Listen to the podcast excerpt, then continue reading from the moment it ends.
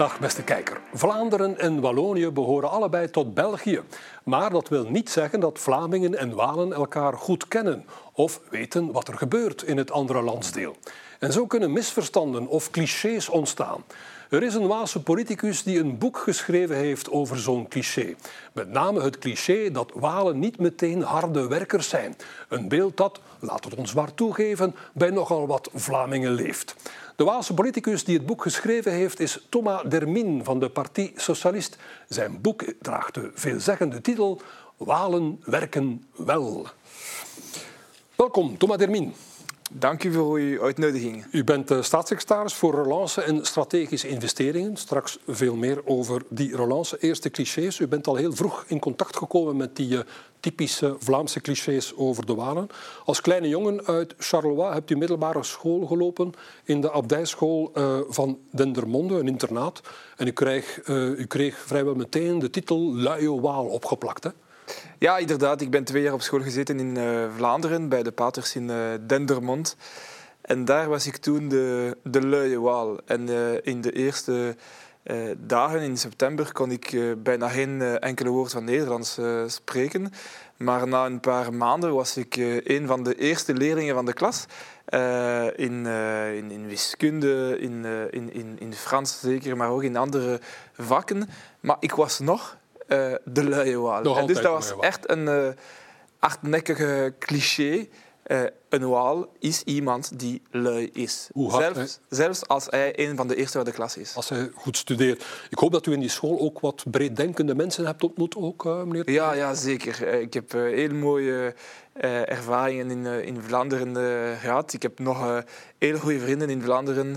Uh, ik, ben, uh, ik heb in uh, Brussel aan de VUB gestudeerd. Ik heb, ik heb nog heel veel vrienden die afkomstig zijn van Vlaanderen. Ja. Over, trouwens, over de luie Waal gesproken. Er is een tijd geweest waar de Vlamingen door de Walen werden beschouwd als lui. Schrijft u in uw boek? Ja, dat is het, het cynisme van de geschiedenis. Over een, een paar, twee of drie generaties. De clichés zijn totaal omgekeerd. In, in de patois, in de, Dialect. in de dialecten van Charleroi, zeggen wij een, een, een travail de flamand, een werk van Vlaming, is iets die niet goed gedaan is. Omdat allee, 200 jaar, allee, 150 jaar geleden waren de, de, de Vlamingen in Charleroi met een slechte reputatie. Ja. Dus clichés kunnen dus blijkbaar veranderen. En ja, en omgekeerd zijn over een hele korte periode in, in toont meteen aan hoe relatief die clichés kunnen zijn. Daarover dus gaat uw boek Walen werken wel, zoals ik zei, uitgegeven door uh, Borgerhoff en uh, Lambrechts. Nu, een heel belangrijk punt in uw boek is um, de kloof, de economische kloof tussen Vlaanderen en Wallonië is al twintig jaar stabiel. Met andere woorden, Wallonië gaat niet langer achteruit. Maar, meneer Dermin, je zou ook kunnen zeggen, uh, in die twintig jaar tijd heeft uh, Wallonië zijn achterstand niet ingehaald. Hè? Zou toch moeten ja, beter geweest inderdaad. zijn dan dat? Ik denk dat wij, als wij naar de geschiedenis van België kijken, een 200, bijna 200 jaar oud land, tijdens 130 jaar is Wallonië rijker, was Wallonië rijker dan Vlaanderen. Ja. Dan inderdaad in, in de jaren 70 er was een, een, omkering. een, een omkering tussen Vlaanderen en Wallonië. En sindsdien is tussen de jaren 60 en, en, en begin 2000 de kloof is Gegroeid. groter en groter geworden. Ja. Sinds de uh, 2000 is de kloof uh, niet dicht, maar het verschil tussen Vlaanderen is gestabiliseerd. En, is gestabiliseerd, Ja. inderdaad. Um, Maar dat- dat had toch wel meer mogen zijn dan stabiliseren en ook afnemen. ja, ja, en De, dat, laatste, de laatste Waalse steenkoolmijn is, is gesloten in 1984. 84, dat was dicht bij Charleroi, dus inderdaad een, een, een hele lange tijd geleden. Ja. En dat moet de ambitie blijven. Ik ben een jonge uh, politici, ik ben geboren na de sluiting van de laatste mijn in, in Wallonië en dat moet een ambitie zijn. Maar wij moeten ook uh, realistisch blijven. Als uh, Wallonië op hetzelfde niveau dan Vlaanderen wil gaan, moeten wij een extra 1,5% groei per jaar hebben tijdens, tijdens een periode van 20 jaar. Dus dat zal niet gebeuren van één dag naar het andere. Maar dat moet die ambitie blijven voor uh, Wallonië, zeker. Nu, um, het zou wel snel kunnen gebeuren, zegt Bart de Wever in een interview in Trends um, eind november. Um, als, die, als de Wallonië niet in het federale keurslijf zat, bijvoorbeeld qua loonvorming, de zwakkere regio zou eigenlijk lagere lonen moeten kunnen bieden en zo jobs en investeringen aantrekken. Maar Wallonië zit in een federaal keurslijf, trouwens ook op vlak van fiscaliteit grotendeels. Ligt daar het kalf gebonden of niet? Het is uh, niks nieuw in het, uh, in het, uh, in het verhaal van, van, van Bart de Wever. En het feit dat, dat Bart de Wever de Waalse bevolking wil verarmen is ook niet nieuws. Ik denk dat het geen goede recept hier voor, voor Wallonië. Er zijn een, een, paar dingen die wij van Vlaanderen kunnen leren. Ik heb bijvoorbeeld in, in Charleroi gewerkt, waar alle onze inspiratie en de projecten die wij daar hebben gebouwd, uh, zijn gebaseerd bijvoorbeeld op wat gebeurt in, in Limburg na de sluiting van verschillende grote industrieën. Want daar is ook een reconversie dus geweest. Wij kunnen veel leren van Vlaanderen, zeker. Maar ik denk dat die, uh, initiatief van meneer De Wever zeer coherent is met zijn uh, nationaliste verhaal, maar niet in lijn is met wat ik met Wallonië wil doen. Ja, nu nog om even bij die kloof te blijven.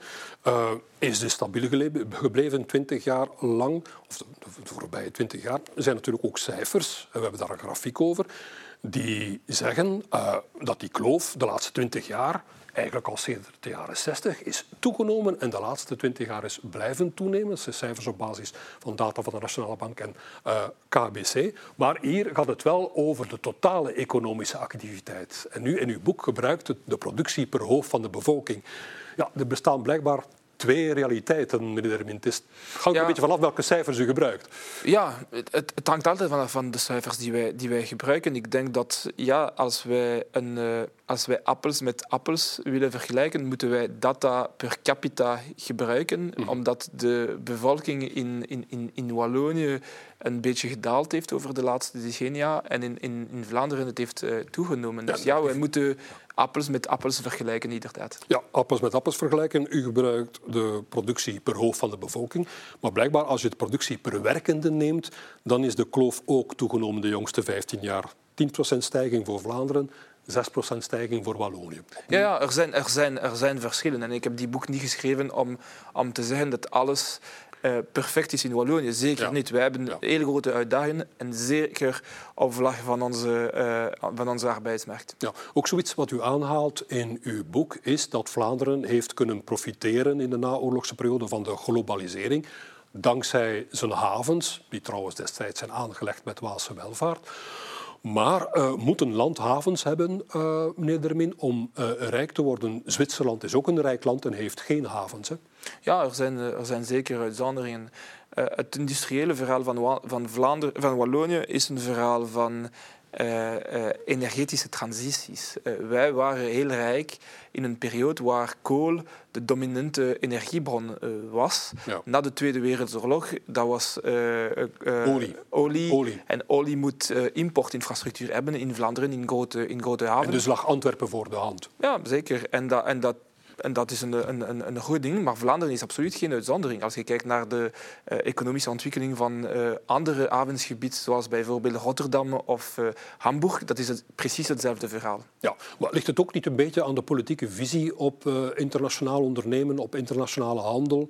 meneer Dermin, rond 1900 legden Waalse bedrijven bijvoorbeeld overal ter wereld spoorlijnen aan. Ik, ik herinner mij concreet de grote Waalse industrieel Edouard Alpin, die in Rusland tramlijnen ja, Met een bedrijf die in Charleroi was. Ja, ja, inderdaad. Maar uw uh, voorzitter, Paul Magnet, weigerde in 2016 om het vrijhandelsakkoord met Canada te ondertekenen, het beroemde CETA-akkoord. Ligt het Sorry, maar het heeft niks mee te maken. Er zijn ambitieuze ondernemers in, in, in, in, in Wallonië die een internationale visie uh, hebben.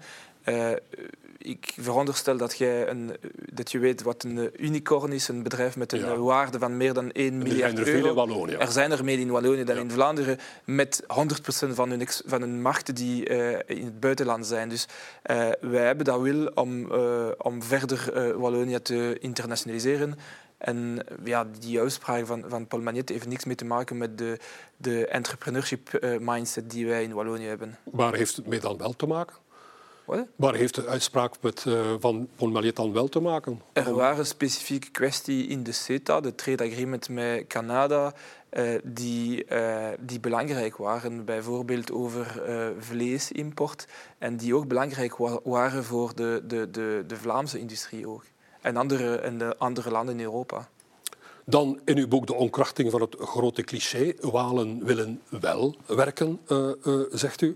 Ondanks de lage werkzaamheidsgraad, de veel lagere werkzaamheidsgraad in Wallonië dan in Vlaanderen. U betoogt in uw boek, uh, het ligt gewoon aan het feit dat in Wallonië er gewoon moeilijker jobs te vinden zijn. Ja, dus er zijn grote verschillen tussen onze arbeidsmarkt. De werkzaamheidsgraad is significatief lager in Wallonië dan in Vlaanderen.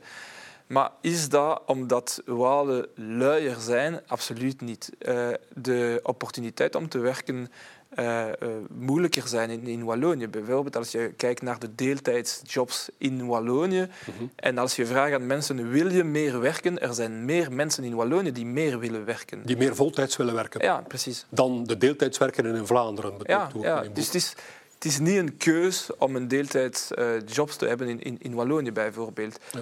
Uh, wij hebben andere studies die tonen dus als je uh, als je meer wil werken en een grotere salaris kan krijgen, zal je doen dat.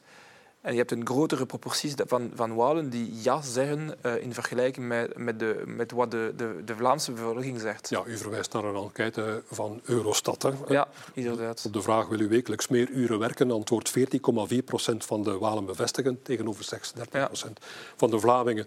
Nu, maar als het zo moeilijk is om in Wallonië een job te vinden, meneer Dermin, de, dan kunnen de Waalse werklustigen toch uh, naar... Uh, Vlaanderen komen werken. U weet wat er gezegd wordt over de vele werklozen in Henegouwen die de weg niet vinden naar de vele vacatures in eh, Zuidwest-Vlaanderen. Of is ja, dat maar dat, dat, is precies een andere cliché. In, ja. in, in, in, het geheel zijn er twee keer zoveel uh, uh, Walen dan Fransen die in Vlaanderen werken. En by the way zijn er relatief uh, gezien vier keer meer Walen die buiten hun uh, regionale grens werken dan Vlamingen die uit hun uh, regionale grenzen werken. Er zijn een paar uh, dorpen en, en, steden in West-Vlaanderen waar inderdaad er zijn meer Frans mannen die werken dan, dan Walen, maar dat is puur het gevolg van uh, bevolking, omdat er zijn meer dan 2 miljoen uh, Fransen die langs de grens uh, wonen, in, in Rijssel of Tourcoing, Roubaix. Maar er zijn amper 100.000 Walen die in die streek wonen. Dus dat is een, een, effect van de, van de dichtheid van de bevolking en niet een effect van, de, van het feit dat de Walen luier zijn dan de, dan de Fransen. Ja, is een simpel statistisch effect. Een andere grote cliché, mythe of waarheid, transfers. In uw boek betoogt u de transfers, dus de, de 6, 7 miljard richting Vlaanderen, richting Wallonië, die nemen af, zegt u. Hè? Er zijn belangrijke transfers tussen uh, uh, Vlaanderen en Brussel naar Wallonië. Inderdaad, 6 of 7 miljard, dat is, een, dat is, dat is heel veel geld. Maar wat ik zeer uh, interessant vond, is dat dit bedrag kleiner en kleiner wordt elke jaar omdat de Vlamingen ouder zijn dan de Walen en dan de, de Brusselaars. Uh, en op vlak van pensioen zijn de, de, transfers al omgekeerd. Het zijn de, de, de Walen en, en de, de mensen in Brussel die jonger zijn, die betalen voor de pensioen van de, van de Vlamingen.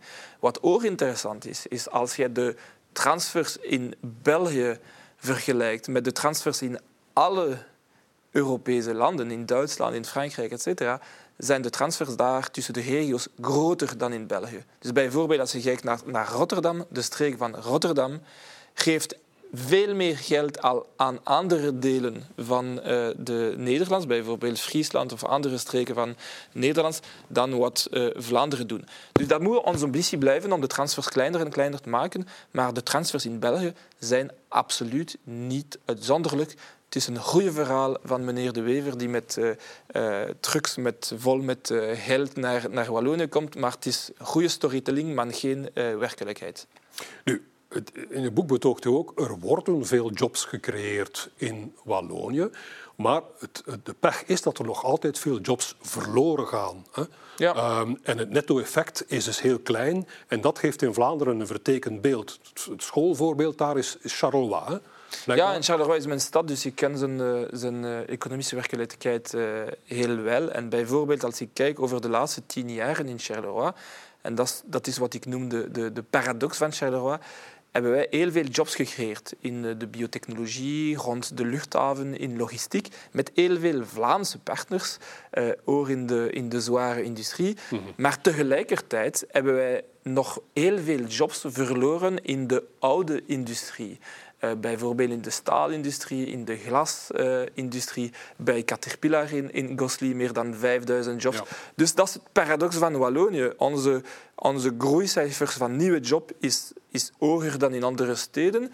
Maar het, het, het eh, vernietigen uh, van jobs... Jobvernietiging. Is jobvernietiging is ook uh, hoger dan in andere steden. maar er is wel degelijk een transitie bezig. Dat is een, een transitie die, die, die, die volop bezig is. En, en dat is een van de redenen, waar, een van de redenen waarom ik uh, zeer hoopvol ben voor de toekomst van onze streek. Ja, over die toekomst gesproken, dat is ook een heel belangrijk hoofdstuk in uw boek. Hoe wil u de Waalse economie versterken in de toekomst?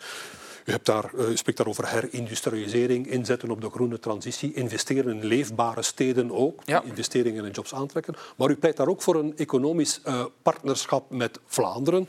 U betoogt daar uh, op het moment dat Vlaamse ondernemers smeken om arbeidskrachten en smeken om bedrijfsterreinen, zit Wallonië met een grote reserve aan arbeidskrachten en bedrijfsterreinen. Hebt u sinds de publicatie van uw boek al veel telefoontjes gehad van Vlaamse ondernemers? Ja, ja. en in specifieke sectoren zijn er uh, mensen die echt zenuwachtig zijn in Vlaanderen omdat inderdaad de arbeidsmarkt zeer uh, moeilijk is. Het is zeer moeilijk om uh, nieuwe vergunningen te krijgen.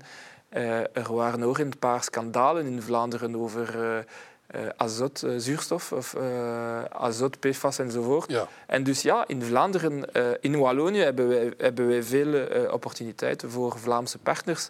ik denk dat Wallonië een deel van de toekomst van Vlaanderen is. En het omgekeerd is ook waar.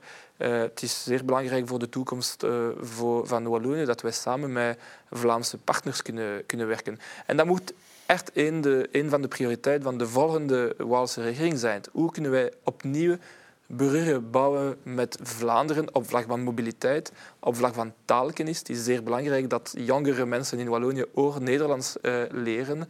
Uh, maar het is uh, ja, zeer hoopvol voor de toekomst. Uit je boek blijkt dat u heel veel plannen hebt, investeringsplannen uh, voor Wallonië, maar de begrotingssituatie van Wallonië is zeer precair. Hè? Maar ik heb niet alleen plannen, ik heb, alleen, ik heb al projecten die in de bouwfase zijn. In uitvoering zijn. Ja, bijvoorbeeld zijn we bezig met de uitbreiding van de Albertkanaal tussen Luik en Antwerpen. En dat is een vraag van de industriële partners in Antwerpen om een uitbreiding te krijgen naar Luik, omdat een deel van de toekomst van het haven van, van, eh, van Antwerpen is in Luik. Bijvoorbeeld, wij bouwen vandaar de, de waterstofinfrastructuur, de carbon capture infrastructuur met nieuwe connecties tussen eh, Vlaanderen en Wallonië. Het is belangrijk voor onze industrie in het noord en in het zuid van het land. En daar voor die investeringen vindt u geld, ondanks de precaire begrotingssituatie in uh, ja?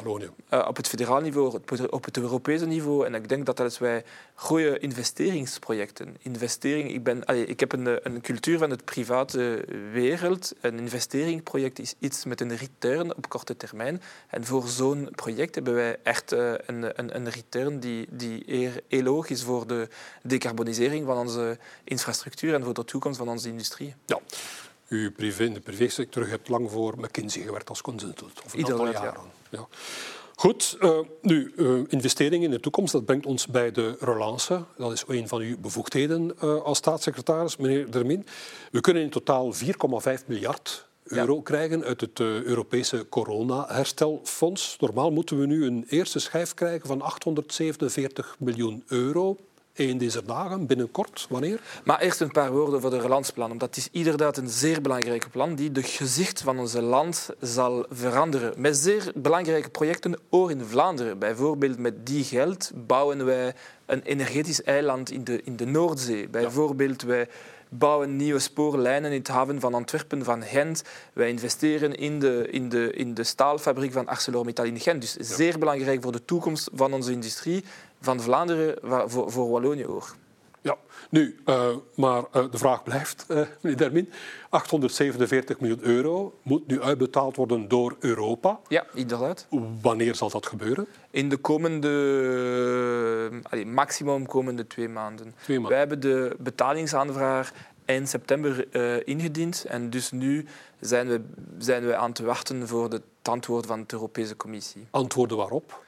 Uh, er zijn een aantal parameters van de pensioenhervorming die uh, geëvalueerd moeten zijn. Uh, en de werk is nu vol bezig. Ja, want ja, dus de pensioenhervorming die deze zomer is afgesproken door de ja, federale regering. Dat was een van de voorwaarden voor de volgende uitbetaling van Europa. Ja, maar critici noemen die pensioenhervorming een mini-pensioenhervorming. Zal die pensioenhervorming zwaar genoeg wegen voor, het, voor de Europese Commissie om dat om dat geld uit te, uit te keren? Ja, dat is precies de vraag van de, van de huidige evaluatie.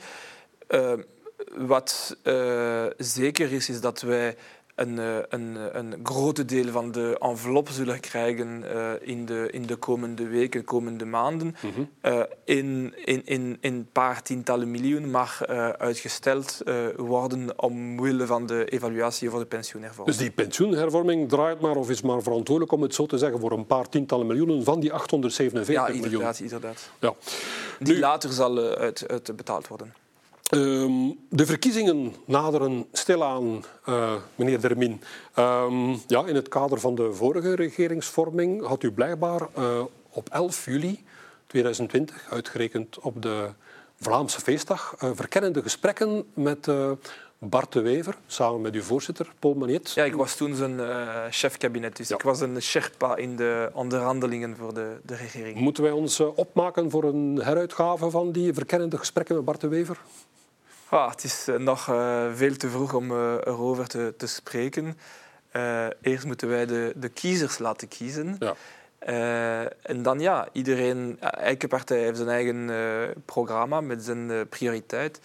Ik, allee, ik veronderstel dat het niet makkelijk zal zijn na de verkiezingen. Uh, maar ja, laat maar de, de kiezers uh, eerst uh, kiezen. Ja. Ja, maar wat vindt u eigenlijk van dat confederalisme, de grote doelstelling van Bart de Wever? Maar wat betekent dat eigenlijk? Ik heb al tien keer een gesprek gehad met tien verschillende leden van NVA en iedere keer heb ik een ander verhaal gehoord. Dus ja. Ja, het is een beetje moeilijk om, om precies de, de contour van de, van de federalisme te, te, te, te, te, te kennen. Ja, maar hoe ziet u dan de toekomstige staatsinrichting van België?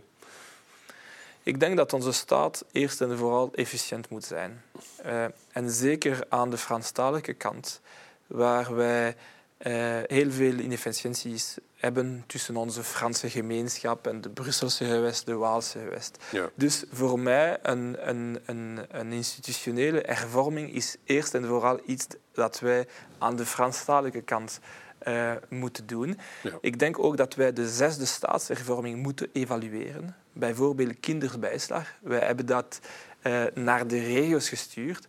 Maar was dat echt efficiënt? Nu hebben wij drie aparte administratie met drie aparte IT-systems voor een beleid die niet, zo uh, verschillend is in, in Wallonië en Vlaanderen.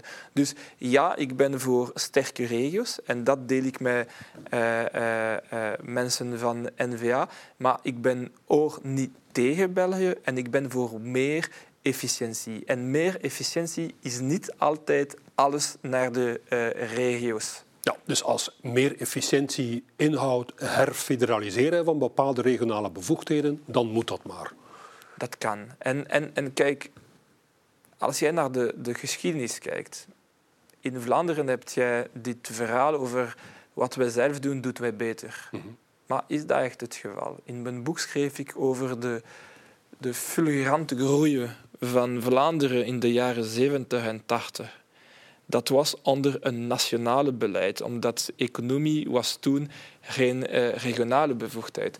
Als ik kijk vandaag naar verschillende crises in, in Vlaanderen, naar uh, problemen van uh, geweld in, in Antwerpen, problemen die jullie hebben op vlak van onderwijs, is dat altijd zo dat wat jullie zelf doen, doen jij beter? Soms een bevoegdheid kan wel uh, georganiseerd worden, ook aan het federale niveau. toch even zeggen, meneer Dermin, uh, inderdaad, in uw boek, wij, de kloof is gegroeid, zegt u in uw boek, tussen 1960 en 2000. En die, in die groeiende kloof, zegt u, toen was, uh, was niet de schuld van de Waalse politiek, want industrieel-economisch beleid was toen vooral in handen van de nationale regering. Die voerde een defensief beleid voor Wallonië en er, er, waren walen in de nationale... Ja, dat wou ik net zeggen. Er waren, ze zaten toch walen mee aan tafel in de wedstrijd. Die hadden toch ook met de vuist op tafel kunnen kloppen en zeggen wij willen ook vooruitstrevende sectoren zoals Vlaanderen, zoals petrochemie, zoals farmacie.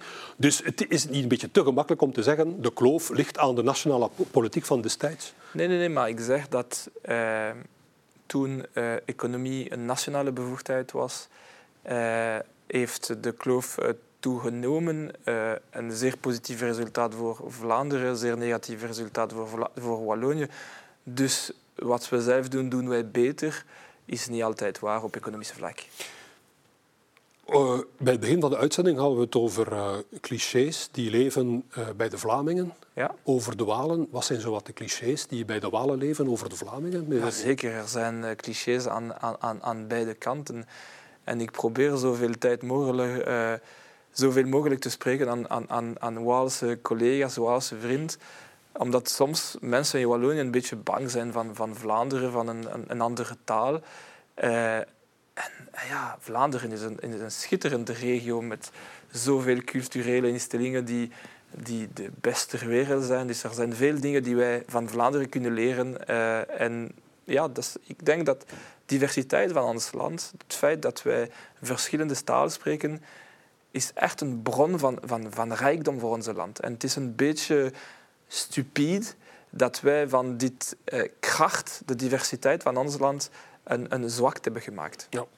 Over talenkennis gesproken, uh, meneer Dermin, nog niet zo lang geleden hoorde ik een radioreportage over de vraag waarom er zo weinig Waalse leerlingen kiezen om Nederlands te leren op school. En vele leerlingen antwoorden dat ze Nederlands een barbaarse taal vonden. Vlamingen in hun ogen uh, zijn barbaren over een cliché. Ja, dat vind, ik, dat vind ik echt niet goed. Uh, ik denk dat leerlingen in Franstalig onderwijs voelen verplicht om Nederlands te leren. En wij moeten beter verklaren dat eh, allez, Vlaanderen, allez, Nederlands leren is zo zeer belangrijk op de arbeidsmarkt. Wij leven in een land waar de meerderheid Nederlandstalig is. Mm. Uh, we hebben 11 miljoen Belgen, 6,5 miljoen van de Belgen zijn Nederlandstalig. Dus ja, de, de arbeidsmarkt is zeer dynamiek is in Vlaanderen. En dus ja, als je een job wil vinden, is dat belangrijk om Nederlands te leren. Dat moeten wij zeggen aan onze kinderen in Wallonië. Ja, nu. Ik vraag me ook af, ik weet het niet, ik ben geen specialist, of eh, de Vlaamse leerlingen vandaag nog zoveel Frans leren in school zoals dat vroeger het Minder en minder. En als je kijkt naar de regering, inderdaad, er zijn, ik denk, bijna meer Franstaligen die goed uh, Nederlands kunnen praten dan het omgekeerd. Ja. Nu, anderzijds, in 2006 was het, heeft uh, de toenmalige Vlaamse minister-president Yves Le Terme de Marseillaise gezongen. Uh, de Marseillaise gezongen. En ook gezegd dat Franstaligen intellectueel niet in staat zijn om Nederlands te leren. Maar u bent het uh, ik, ik, hoop dat ik het uh, omgekeerde bewijs U bent het levendige tegenbewijs van dat cliché. laatste vraag, meneer Dermin. bent u nu de coming man, de kroonprins van de PS? Wordt u de volgende Waalse minister-president? De kroonprins van de PS? Ja, je weet wel dat wij bij de PS eh, geen uh, monarchist zijn, dus de kroonprins uh, zeker niet. Ja. Maar inderdaad, ik ben een beetje amoureux van Wallonië. Ik denk dat wij uh, in Wallonië opnieuw een vorm van fierheid moeten bouwen. En dat is een van de redenen waarom ik dit boek heb geschreven. En dus ja, ik hoop dat ik een, een rol kan spelen, niet alleen voor Wallonië, maar voor België, om onze landen opnieuw laten dromen. U wordt de volgende Waalse minister-president, hoor ik dan? Of moet ik dat ah, zo niet verstaan? Kijk, ik, ik heb uh, voor het politieke leven uh, gekozen omdat ik, ik wil echt een, eh, een positieve contributie aan de maatschappij uh, willen geven. En dat kan in Namen, dat kan in Brussel of in Charleroi. ik heb nog geen keus gemaakt en het hangt af van de kiezers zeker. Ik wens u nog veel succes. Dank je wel. Bedankt voor uw komst naar de studio. Deze Trendstalk zit er alweer op. Volgend weekend heeft collega Jan de Meulemeester, Philippe Gijsels en Koen Deleus te gast. De marktstratege en de hoofdeconoom van BNP Paribas Fortis publiceren hun boek over de nieuwe wereldeconomie. Koen Deleus maakt de economische analyses en Philippe Gijsels vertelt wat u daar als belegger mee moet doen. Nog een fijn weekend en tot kijk.